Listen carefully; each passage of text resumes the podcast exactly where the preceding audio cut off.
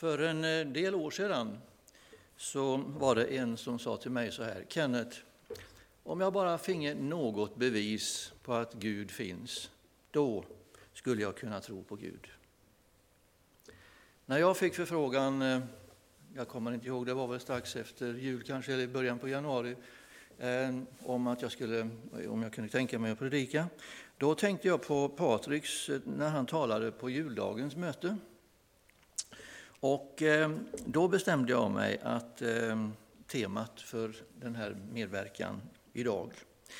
Men det är ytterligare en person som har utgjort inspiration eh, för mig.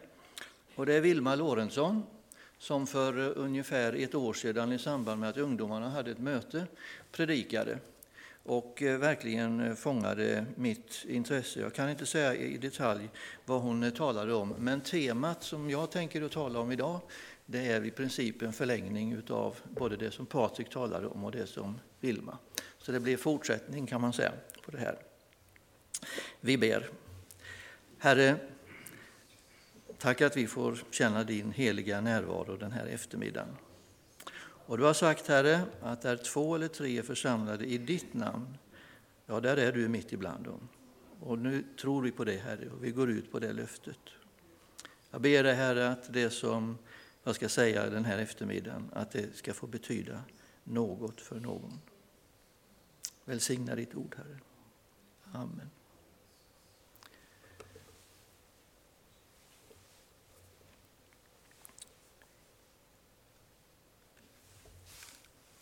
Att tro eller veta, det är frågan.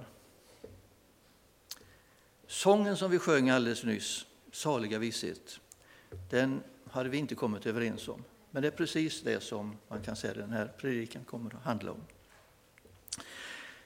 Så att eh, när Patrik talade om det här temat, då var det det här som det handlade om.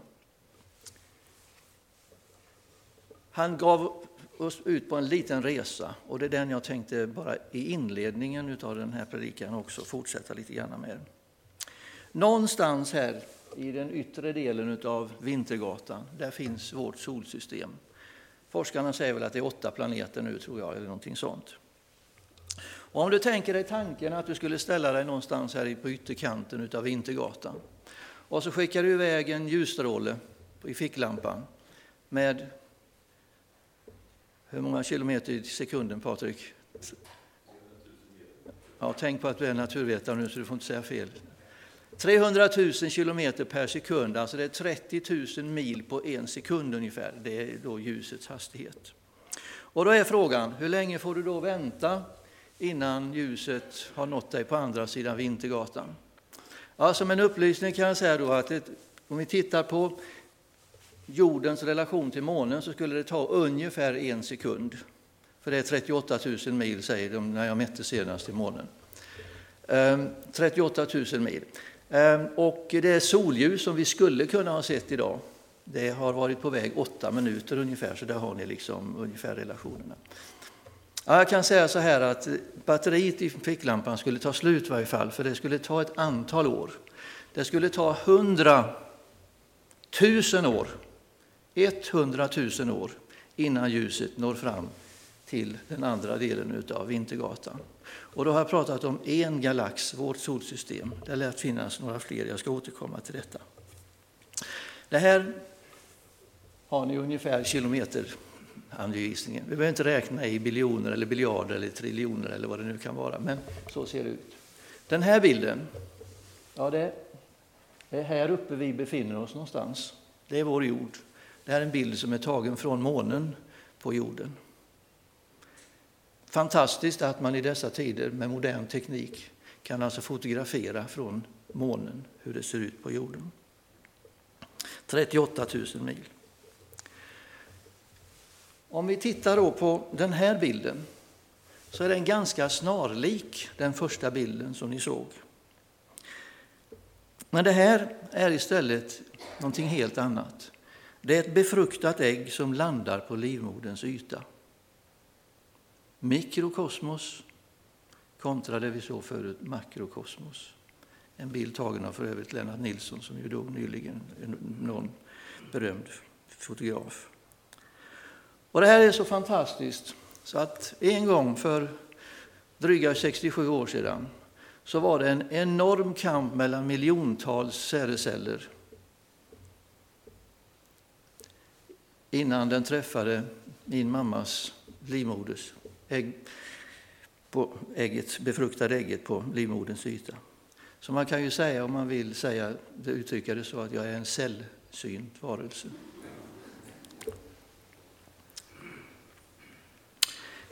Eh, I en bok som, skrev, som jag skrev för ganska många år sedan, heter På dammkorn i universum, eh, det är 25 år sedan faktiskt nu, så jag har citerat en känd svensk författare, han var docent i astronomi för övrigt i Uppsala också, och född på en liten metropol i Småland som heter Möcklehult, eh, där min kära fru Eivor också är, är född för övrigt. Hans mamma var väl tillhör pingstförsamlingen i Lammhult tror jag också. Var det inte så? Mm. Eh, han skrev så här i ett sammanhang.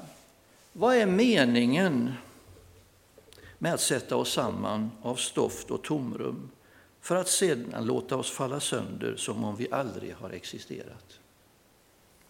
Vad är meningen med att sätta oss samman med stof, av stoft och tomrum för att sedan låta oss falla sönder som om vi aldrig hade existerat? Den kände poeten Nils Ferlin eh, han sa så här, stjärnor kvittade lika om en människa föds eller dör. Var finns alltså människan i detta oändliga universum? Drunknar vi i detta hav av galaxer? Ja, vad säger Bibeln om detta? Vi läser i Saltaren. När jag ser din himmel som dina fingrar har format, månen och stjärnorna där du fäster där, som du fäster där. Vad är då en människa att du tänker på henne, en dödlig att du tar dig an honom?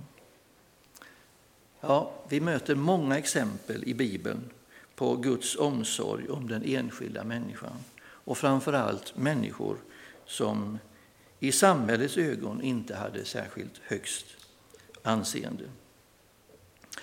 Men åter då till själva frågan och temat för den här, eh, det jag vill säga. Bevisar detta då att natur, naturvetenskap och forskning att Gud finns? Ja, även om jag i min vardag sysslar med vetenskap och forskning, dock inte när det gäller naturvetenskap, men annan typ kan man säga, halva min tjänst för övrigt, så är mitt svar nej. Och varför då? Ja, låt mig kanske inledningsvis också säga att eh, min avsikt är inte den här eftermiddagen att ha en föreläsning om naturvetenskap eller vetenskap, om astronomi och biologi. Men vi lever i ett samhälle som också påverkar oss och i vår tro. Och det som vi ofta hävdar kan man säga är att man säger så att forskning har visat Fysiken har förklarat hur världen är beskaffad och nu är det ofta biologin som refereras i olika sammanhang och i hög grad ska förklara hur verkligheten är uppbyggd och hur den fungerar. Men mitt råd är till dig att vara lite skeptisk i de fallen. Forskare är för det första sällan överens om och kommer till skilda, till sluta, till skilda slutsatser. Och om vi går tillbaks snart hundra år tillbaks i tiden ungefär till 1920-talet, så sa man i allmänhet så här då att det finns en galax i universum.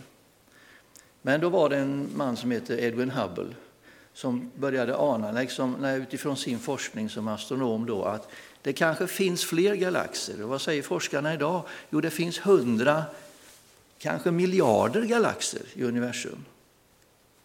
Och så påstår en del att som ett resultat av Big Bang, de som nu tror på det, att universum fortfarande utvidgar sig. Men det kan vi lämna därhän. Forskning, ja det handlar om att utveckla teorier snarare än att bevisa sanningar. Och jag säger det här som en bakgrund också till det jag vill komma in på begreppet tro så småningom här. Seriösa forskare, ja de jobbar med att försöka förklara, förstå och förklara komplexiteter och snarare kunna uttala sig om i termer av hög grad av sannolikhet än att bevisa någonting en gång för alla. Och jag skulle gärna vilja citera vad en, en man skriver i det handlar, en bok för övrigt som handlar om vetenskap och vetenskapsteori. Han säger så här. Det paradoxala med den moderna vetenskapen är alltså att den uppstått som en kritik av och alternativ till religionen och andra former av ideologier. Men att vetenskapen själv har förvandlats till religion och ideologi genom sina fantastiska anspråk på att sitta inne med den enda sanningen. Allt enligt en professor som heter Sten Andersson. Varför är jag då så kritisk mot vetenskap trots att jag själv håller på med det? Varför påstår jag att vetenskap inte bevisar att Gud finns, att eh, natur och människa är hans verk? Jo, därför att vetenskapen bygger på att undersöka det som är åtkomligt kan man säga med vetenskapliga metoder. Den betraktar eller beaktar inte det som finns någon utanför den verkligheten, alltså en andlig verklighet. Vissa forskare driver det här väldigt långt och uttalar sig, menar jag, ganska kategoriskt. Och enligt min uppfattning då så begår de tjänstefel när de gör det. Man kan ju tycka, och man har självklart rätten att tycka och tro, men att påstå då att utifrån vetenskap uttala sig om det, så blir det eh, eh, felaktigt menar jag. Naturvetenskap och vetenskap bygger alltså på att utveckla kunskap om det som är åtkomligt för det mänskliga förnuftet. Att undersöka och beskriva den här verkligheten. Exempelvis att människan är skapad till gemenskap med Gud. Det ligger alltså utanför kan man säga vetenskapens domän. Ett annat exempel som man kunde läsa om i tidningarna för något år sedan tror jag det var, var en riksdagsman i Jönköping som hävdade att nu när man har upptäckt den här Higgspartikeln som det heter inom partikelfysiken, så, som alltså då hjälper naturvetare att förstå världens uppkomst och så, där, så har man slutgiltigt bevisat att Gud inte finns och då behövs inte heller religionsundervisningen i skolan, tyckte den här riksdagsmannen. Observera, jag sa en riksdagsman, han var, kom från Jönköpingsområdet. Är skapelsen ett bevis för att Gud finns och att Gud har skapat världen? Ja, I Sångarbröderna sjunger vi en sång som har skriven av Teofil Engström, Gud i naturen. Fast utan tro, den bilden ger mig bud. Det finns en Gud, det finns en Gud. Jag sjunger den med, med stor glädje och med stor inspiration. Men både fysiken och biologin styrker att det måste finnas en Gud. Och det är det som är min poäng, att den bevisar inte i vetenskaplig mening, men den styrker att det måste finnas en Gud. Vetenskapen kan inte besvara den frågan. Den frågan tillhör en materiell verklighet, men vad vi sysslar med är en andlig verklighet, någonting som ligger utanför det här som handlar om vetenskap och att veta. Vetenskapen kan heller inte besvara till exempel om livet har en mening etc. Och enligt vår västerländska syn, och det som du och jag tänker, det är ju att allting måste ha en början. Men Gud har alltid funnits. Hur är det möjligt? Ja, det stämmer inte med vårt mänskliga förnuft, utan allting måste ju ha en början på något sätt. Ehm.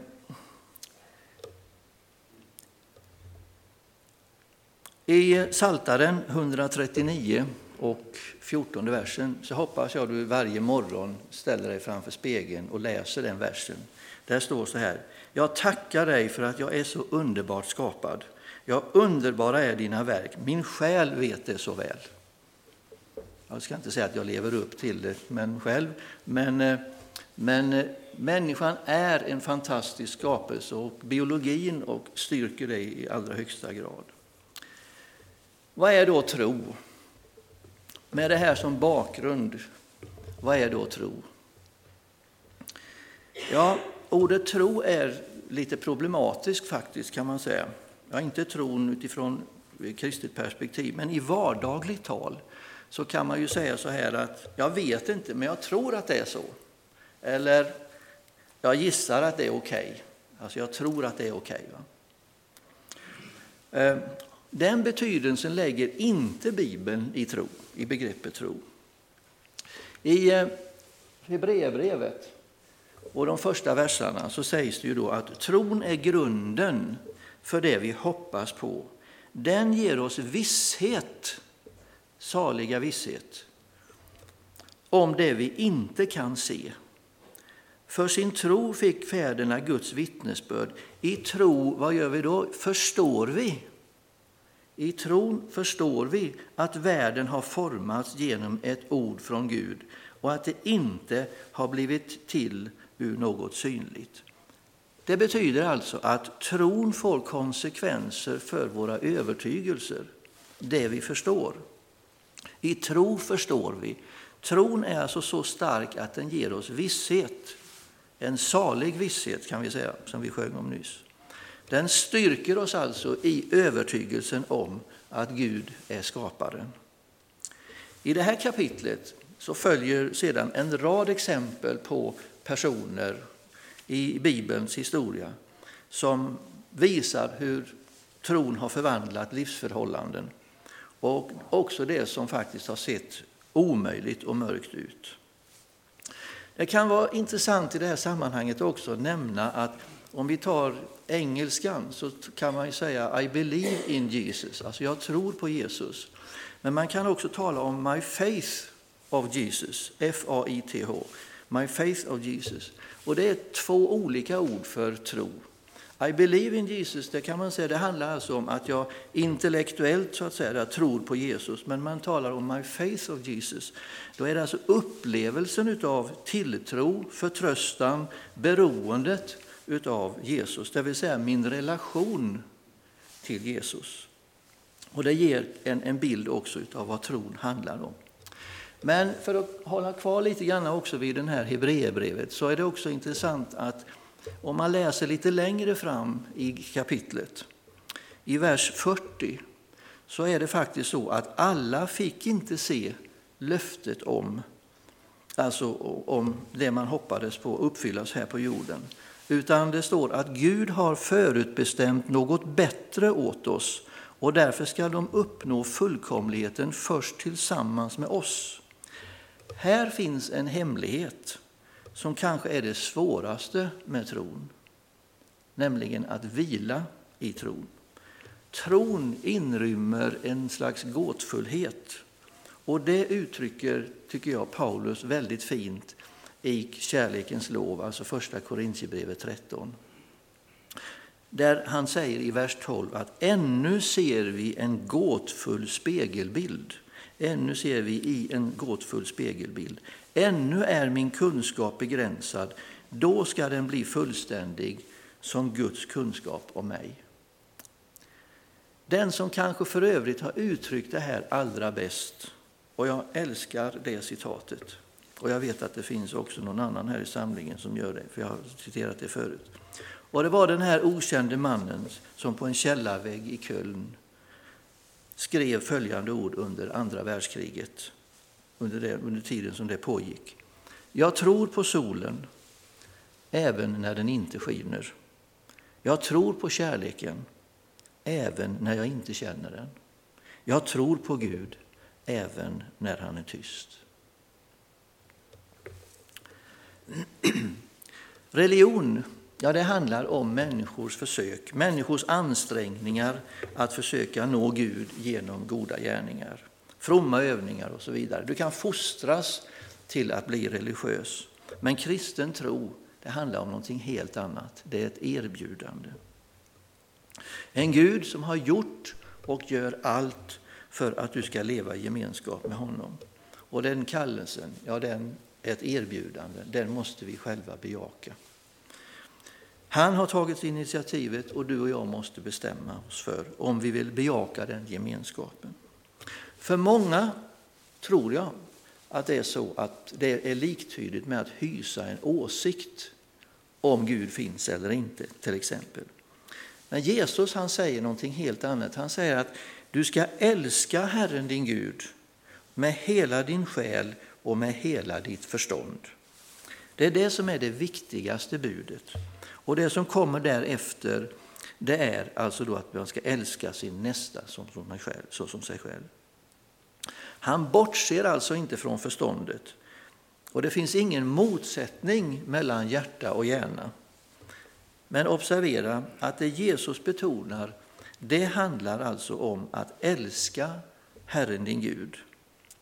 Det vill säga att ha tilltro och ha tillit till honom som beredde vägen för vår relation. Det är det som är det fundamentala. Att bejaka denna kärlek och att visa att man både vad man vill göra och vill göra hans vilja. Och då är det fyra saker där som jag skulle vilja lyfta fram. Det handlar om att tjäna, det handlar om att visa trohet, det handlar om att vara trovärdig och visa tilltro. Så tron handlar inte om att hysa en åsikt, utan tron handlar i grunden om att lita på Gud, även om man inte begriper allt.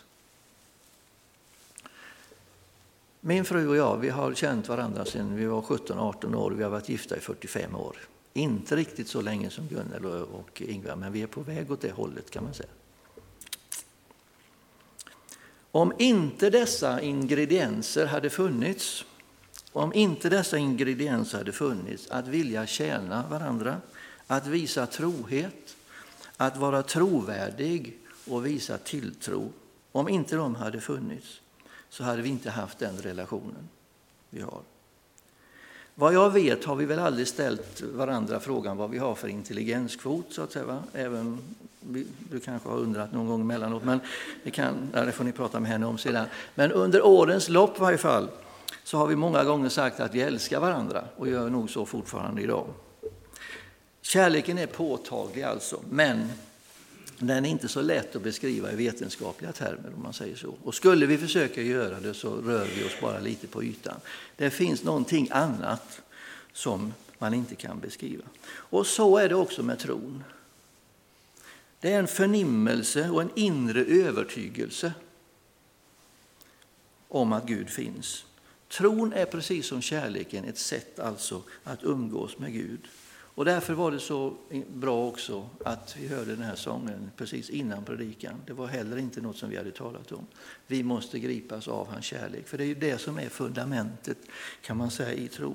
Och att välja mellan tro och vetande, ja det är ungefär som att säga att antingen får du bli naturvetare eller kär. Man kan faktiskt vara både och. Här rör vi oss alltså i en helt annan dimension av verkligheten, där vårt förstånd alltså sätter gränser. Trons verklighet, och vad innebär den? Ja, Jesus ger oss ju egentligen ett väldigt intressant svar. Om så, så, som, så många gånger så visar han det också på ett konkret sätt. Vad gör han? Jo, han är väldigt pedagogisk, Jesus. Han lyfter fram ett barn och säger ni måste bli som ett barn för att komma in i Guds rike. Och det är ju därför vi kan sjunga sången Tänk att få vara ett Guds barn. Tilltron och eh, förtroende för barnet, ja det utvecklas ju hur då? Ja, inte genom att mamma och pappa säger nu ska du komma ihåg att och försöka undervisa, utan det utvecklas ju i relationerna, i umgänget med de som finns i barnets närhet. Och på samma sätt är det med tron. Det är genom umgänget i den nära relationen som tron utvecklas. Den min, de minsta, ja, det är de som är de största enligt Jesus.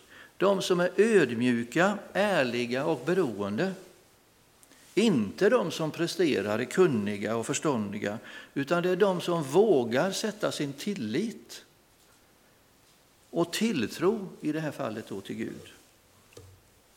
Och Paulus han understryker ju det också bland annat i brevet till församlingen i Korint där han talar om att tron inte ska vila på mänsklig vishet utan på Guds kraft.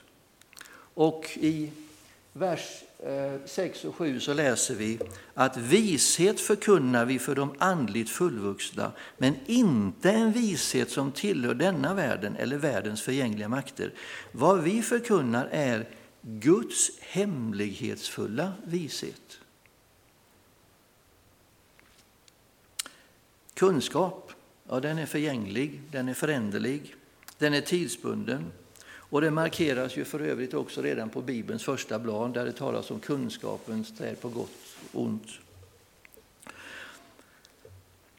Och nyligen så lärde vi ju också i den amerikanska politiken att fakta är ju inte längre fakta utan det är också alternativa fakta. Eh, men Gud har gett oss sann fakta, ett, ett löfte, nämligen att genom tron så kan vi också få leva i evig gemenskap. Och det löftet är inte föränderligt eller förgängligt. Det är ett löfte, ett erbjudande och det är alltså grunden kan vi säga för att sätta vår tillit till Gud. Ja, det låter ju enkelt, men är det då så enkelt och självklart? Ja, det finns många bibelställen som, som fascinerar mig och också får mig att eh, både fundera på det, på det ena och det andra sättet. Men det finns ett, ett sammanhang där faktiskt Jesus anklagar sina egna tolv lärjungar för att de brister i tron. Tänk er då att de hade fått se under, de hade fått se tecken och så vidare och de hade fått vara med Jesus, det som vi nästan drömmer om. Tänk om man hade fått vara med där. Men kom ihåg att Thomas han tvivlade också. Men Jesus han, han, eh, han är rätt tuff mot sina lärjungar där vid ett tillfälle. Han säger det är så här att de har alltså då inte lyckats bota en pojk och hans pappa vänder sig istället till Jesus som hjälper och befriar honom från problemet. Och då frågar lärjungarna Jesus varför de inte lyckades. Och vet ni vad Jesus svarar? Jo, han säger att därför att er tro var för svag. Punkt slut. Skulle Alfredsson ha sagt. Tyder inte detta på att tron är en prestation?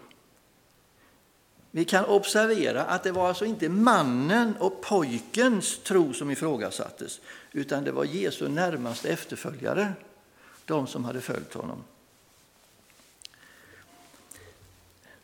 Men det finns en sak som är ännu mer intressant i den här berättelsen och det är fortsättningen på den.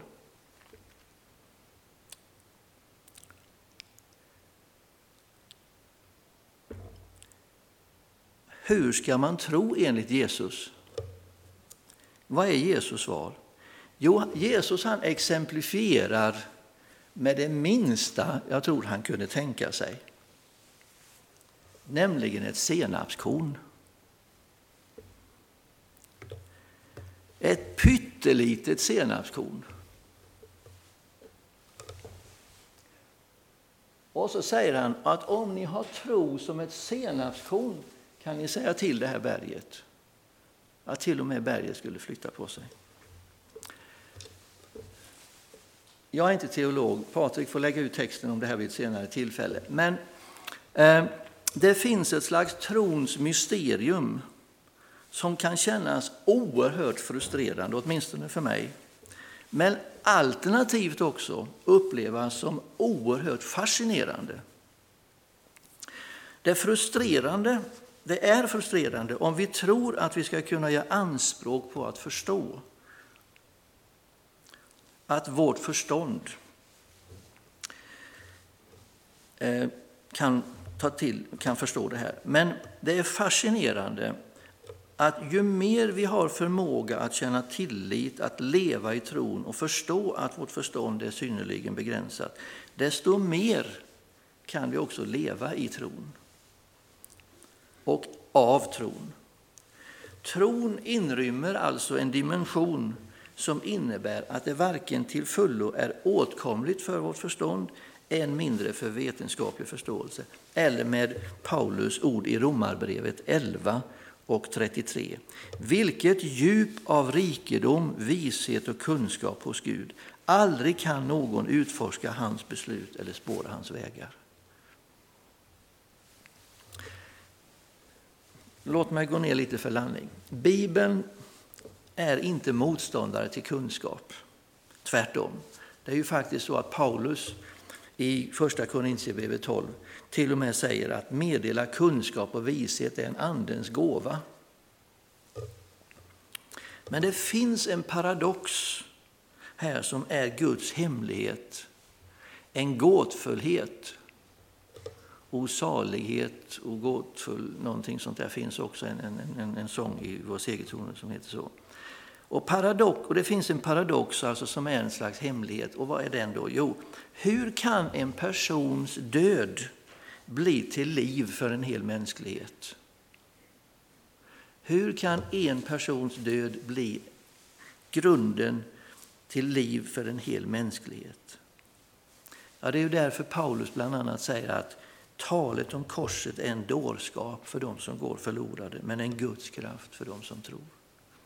Här ligger alltså ett djup som vi har svårt att ta till oss med vårt mänskliga förstånd. Men det är en Guds hemlighet, en slags gåtfullhet som ligger i det här med, med trons innebörd. Som när ett barn kommer hem om kvällen, så var det för mig att komma till Gud. En sång som Göte Strandsjö skrev för ganska länge sedan. Han skrev också en bok som heter Att komma hem för drygt 30 år sedan.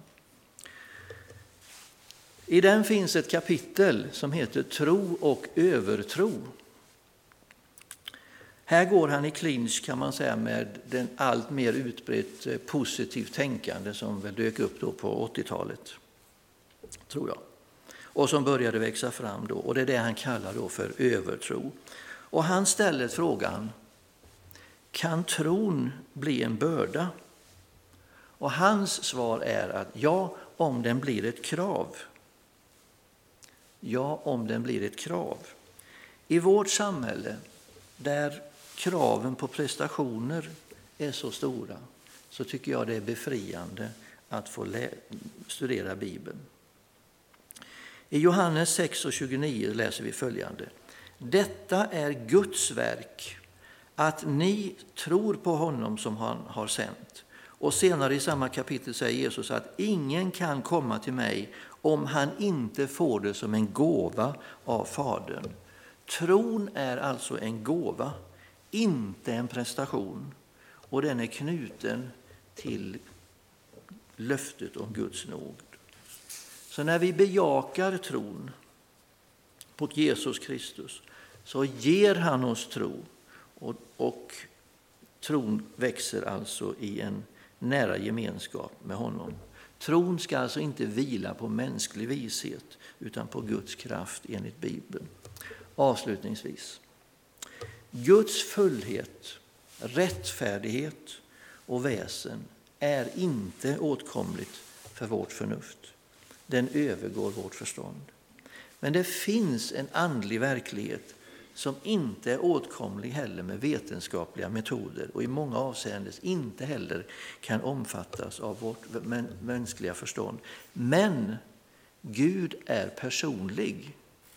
Gud är personlig. Och i Bibeln så beskrivs detta faktum till och med att håren på våra huvuden är räknade. I vissa fall har han lite mer besvär kanske. Så, men Bibeln säger att vi är skapade med en fri vilja. Gud tvingar sig inte på någon, men Gud inbjuder dig och mig till gemenskap. Jag är vägen, sanningen och livet, säger Jesus. Så min uppmaning till slut är att varje gång som du går in genom den här dörren så har jag ett råd. Rikta blicken rakt fram och se att korset är tomt. Vrid huvudet lite grann till höger och läs Våga tro. Vi ber. Herre, tack att vi får ha den här gudstjänsten den här eftermiddagen, Herre. Tack att vi får tala om det som är det viktigaste för oss i livet, nämligen tron på dig, Herre. Herre, ibland så tvivlar vi, ibland tycker vi att gåtfullheten är alltför stor. Vi vill förstå, Herre. Men hjälp oss, Herre, också att kunna vila i tron, Herre. Hjälp oss också att tro och vila i relationen till dig när det är mörkt runt omkring oss. När livet inte går riktigt som vi själva vill, Herre. Men du som dog på korset, Herre, du som var övergiven. Du vet hur vi också kan uppleva livet ibland. Tack att du ska hjälpa oss att leva i en nära relation till dig, Herre. Hjälp oss att den här relationen också får bli det som vi hörde igår kväll, Herre, till visioner. Att en vilja, Herre, att sprida budskapet om dig till de människor som kanske inget annat längtar efter än att uppleva gemenskapen med dig. Tack att du leder oss på rätta vägar för ditt namns skull, Herre. Och så är du med oss också i fortsättningen, den här gudstjänsten. Tack att du är med oss var och en, Herre. Amen.